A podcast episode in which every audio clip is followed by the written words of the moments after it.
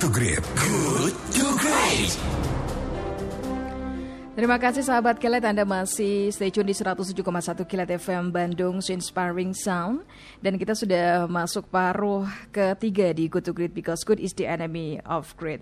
Tiba saatnya saya Aska Seda akan mengajak Anda di sesi diskusi dan tema diskusi yang kita angkat kali ini Publik mengapresiasi batalnya kenaikan iuran BPJS Kesehatan, namun di sisi lain BPJS mengalami defisit. Bak Simalakama, lantas bagaimana mengatasi defisit BPJS Kesehatan?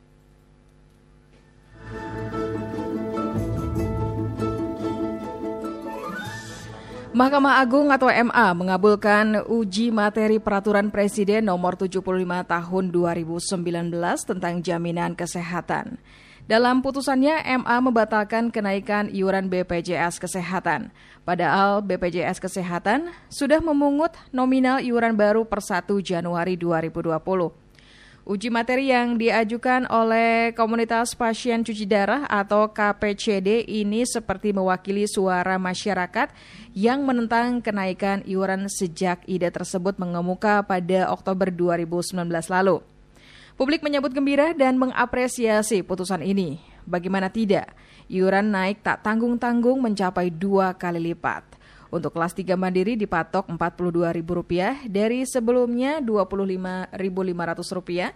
Kemudian kelas 2 mandiri Rp110.000 dari Rp51.000 dan kelas 1 mandiri Rp160.000 dari semula yang hanya Rp80.000.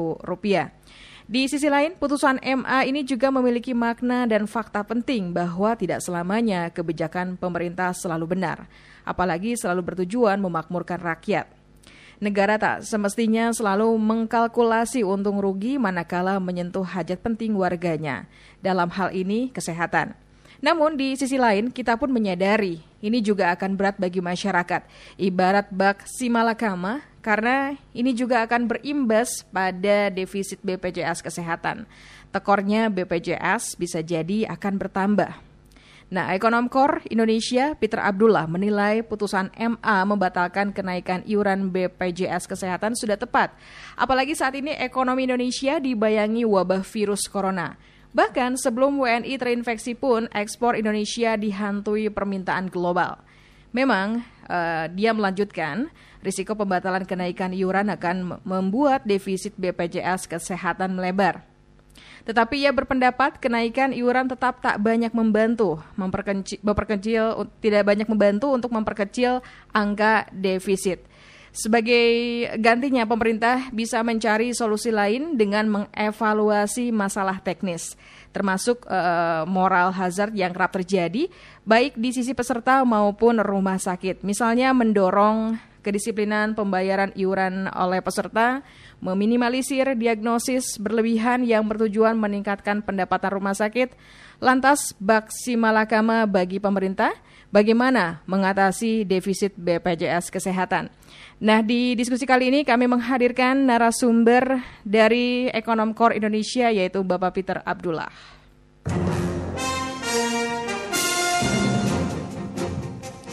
Halo, selamat pagi Pak Peter. Selamat pagi Mbak, sahabat kilat. Apa kabar Pak? Sehat Pak? Alhamdulillah sehat. sehat ya Pak ya. Pak Peter, Mahkamah Agung atau MA mengabulkan uji materi peraturan Presiden nomor 75 tahun 2019 ya tentang jaminan kesehatan. Nah, dalam putusannya MA membatalkan kenaikan iuran BPJS Kesehatan. Nah, bagaimana tanggapan Anda? Sudah tepatkah putusan MA ini, Pak Peter? Ya, saya kira uh, keputusan itu kita sambut gembira ya. Keputusan itu saya kira sudah cukup tepat ya, udah uh, karena di tengah kondisi perlambatan ekonomi global yang kita hadapi ya dan kita membutuhkan ya uh, di tengah perlambatan ekonomi itu kita membutuhkan daya beli masyarakat ya yang cukup agar supaya bisa menahan uh, laju perlambatan ekonomi. Ya. Hmm. Ya, konsekuensi dan dampak dari putusan ini akankah defisit semakin melebar, Pak, menurut Anda? Ya, udah bisa dipastikan ya, karena memang uh, dengan kenaikan itu pun defisitnya BPJS masih ya. Mm-hmm. Tapi begini Mbak, yang utama ya yang perlu uh, kita samakan dulu pandangan. Ini mm-hmm. karena masyarakat kita sering kali itu uh, um, tidak konsisten ya Mhm. tidak konsistennya gini kita itu pinginnya dapat pelayanan ya, pelayanan yang baik ya, pelayanan kesehatan yang cukup dan baik ya, dari pemerintah dalam hal ini dari BPJS ya. Mhm. dan kemudian di sisi lain kita juga tanda kutip pengennya eh, bayar semurah-murahnya dan kalau perlu nggak bayar ya.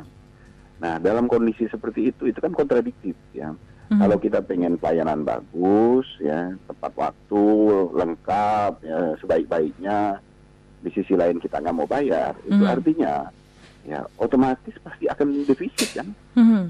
Betul. Karena BPJS-nya berarti kan tidak ada penerimaan atau penerimaannya minimal sekali, ya, sementara mereka harus mengeluarkan banyak sekali untuk pelayanan memberikan pelayanan eh, kesehatan. Mhm. Ya, ini eh, maksud saya ya yang harus benar-benar dipahami.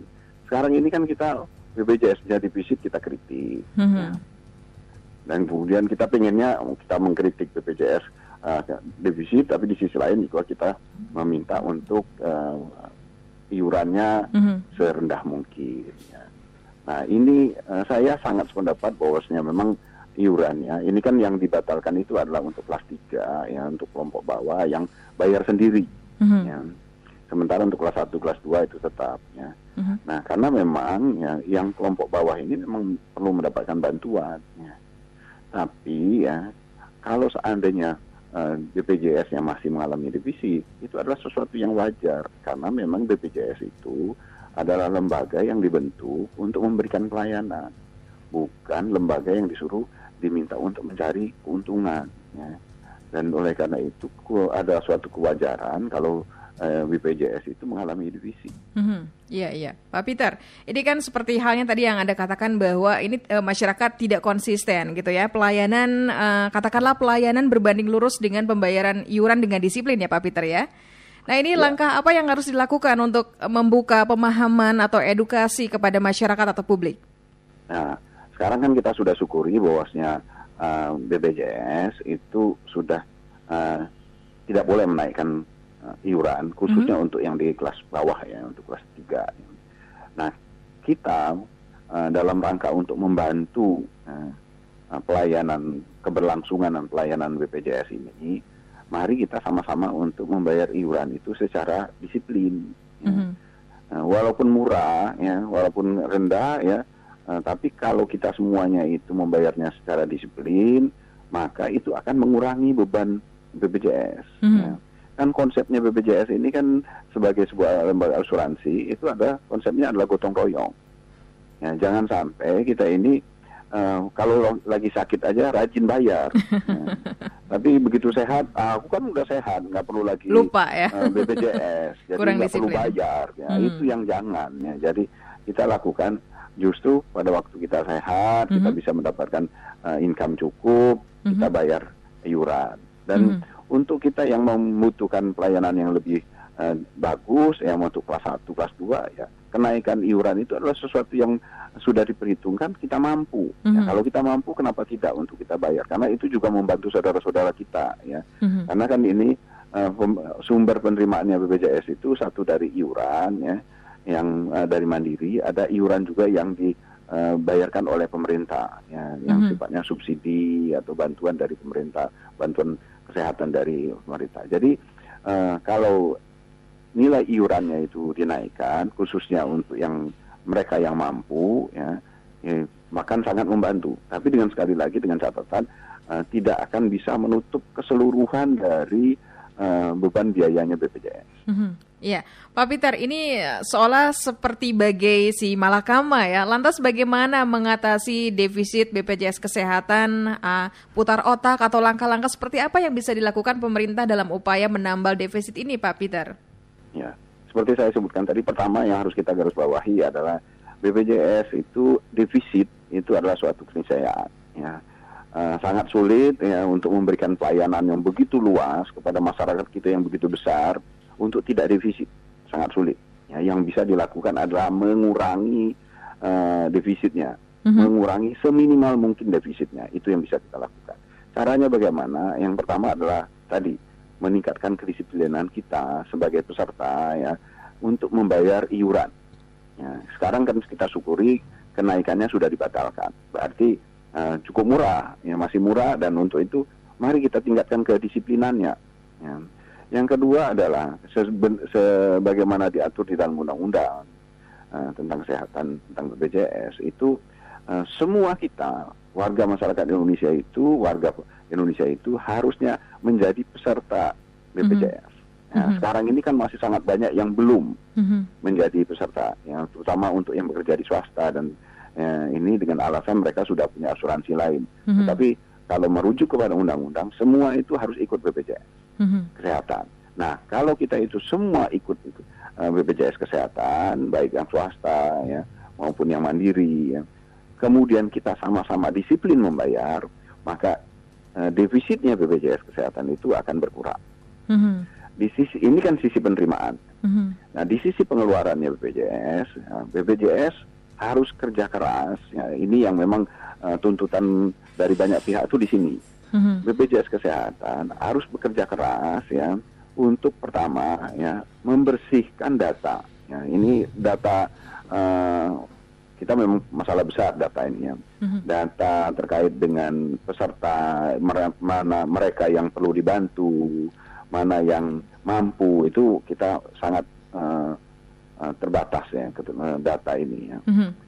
Nah itu yang pertama bersihkan data agar supaya bisa menjadi uh, sandaran untuk mengkalkulasi mana yang harus diberikan subsidi oleh pemerintah, mana yang harus dibantu, mana yang masuk di uh, mandiri dan sebagainya. Yeah. Dan yang kedua adalah mm-hmm. uh, BPJS juga harus benar-benar membersihkan ya pengeluaran ya itu melakukan efisiensi Eh, di dalam uh, pengeluaran BPJS ya baik itu utamanya di dalam konteks yang membersihkan juga praktek-praktek moral, moral hazard yang dilakukan oleh uh, rumah sakit, mm -hmm. dokter, bahkan oleh pelan, uh, peserta. Mm -hmm. Ya, kalau seandainya mereka, uh, kan yang sekarang terjadi ini kan sering didorong-dorong ya, yang mm -hmm. itu uh, lagi melahirkan, yang seharusnya nggak perlu sesar, suruh sesar, ya yang seharusnya nggak perlu MRI disuruh MRI. Dia lebih-lebihkan ya. Dia lebih-lebihkan. Nah hal-hal yang seperti itu uh, saya kira harus um, eh, BPJS harus kota uh, cari cara ya untuk mengurangi praktek-praktek yang seperti itu. Iya. Sehingga uh, pengeluaran BPJS bisa ditekan, penerimaan bisa dimaksimalkan ya. Dengan demikian defisitnya bisa ditekan. Ya.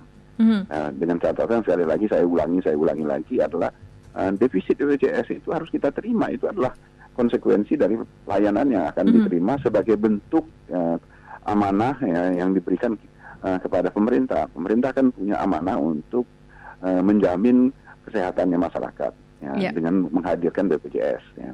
Oleh karena itu defisit itu adalah suatu keniscayaan karena memang uh, bukan untuk mencari keuntungan.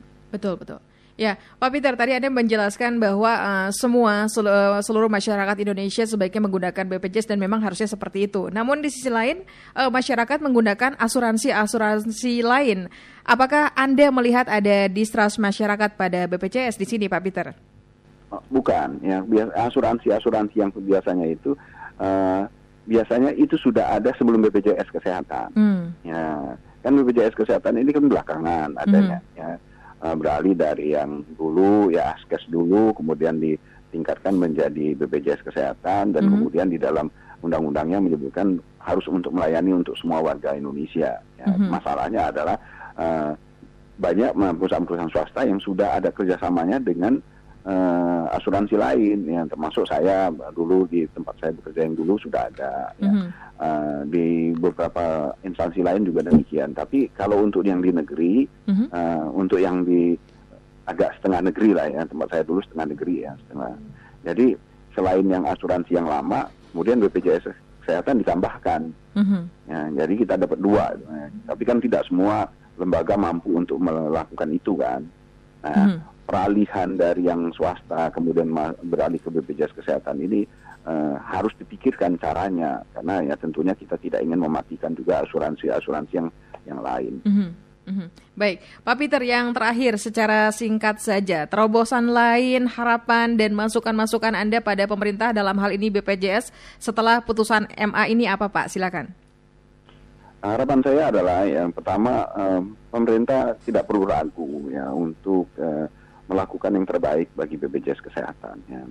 Uh, dibatalkannya kenaikan iuran ya khususnya untuk di kelas 3 yang di um, mandiri kelompok mandiri itu uh, memang akan menaikkan defisit ya tapi kenaikan defisit itu tidak akan terlalu besar membebani uh, APBN ya uh, memang uh, pemerintah harus mengubah mindset di situ pemerintah dalam hal ini memang uh, uh, terlalu menjaga APBN kita ya APBN dijaga agar supaya defisit memang sesuai undang-undang itu tidak boleh melebihi 3% PDB. Ya. Mm. Tapi pemerintah terlalu lebay juga menjaganya karena diarahkan untuk di bawah 2%. Padahal uh, arahan dari undang-undang adalah di bawah 3%. Jadi terutama di uh, tengah perlambatan ekonomi akibat corona, mm. perang harga minyak sekarang ini, pemerintah kan harus banyak stimulus nih. Ya. Mm.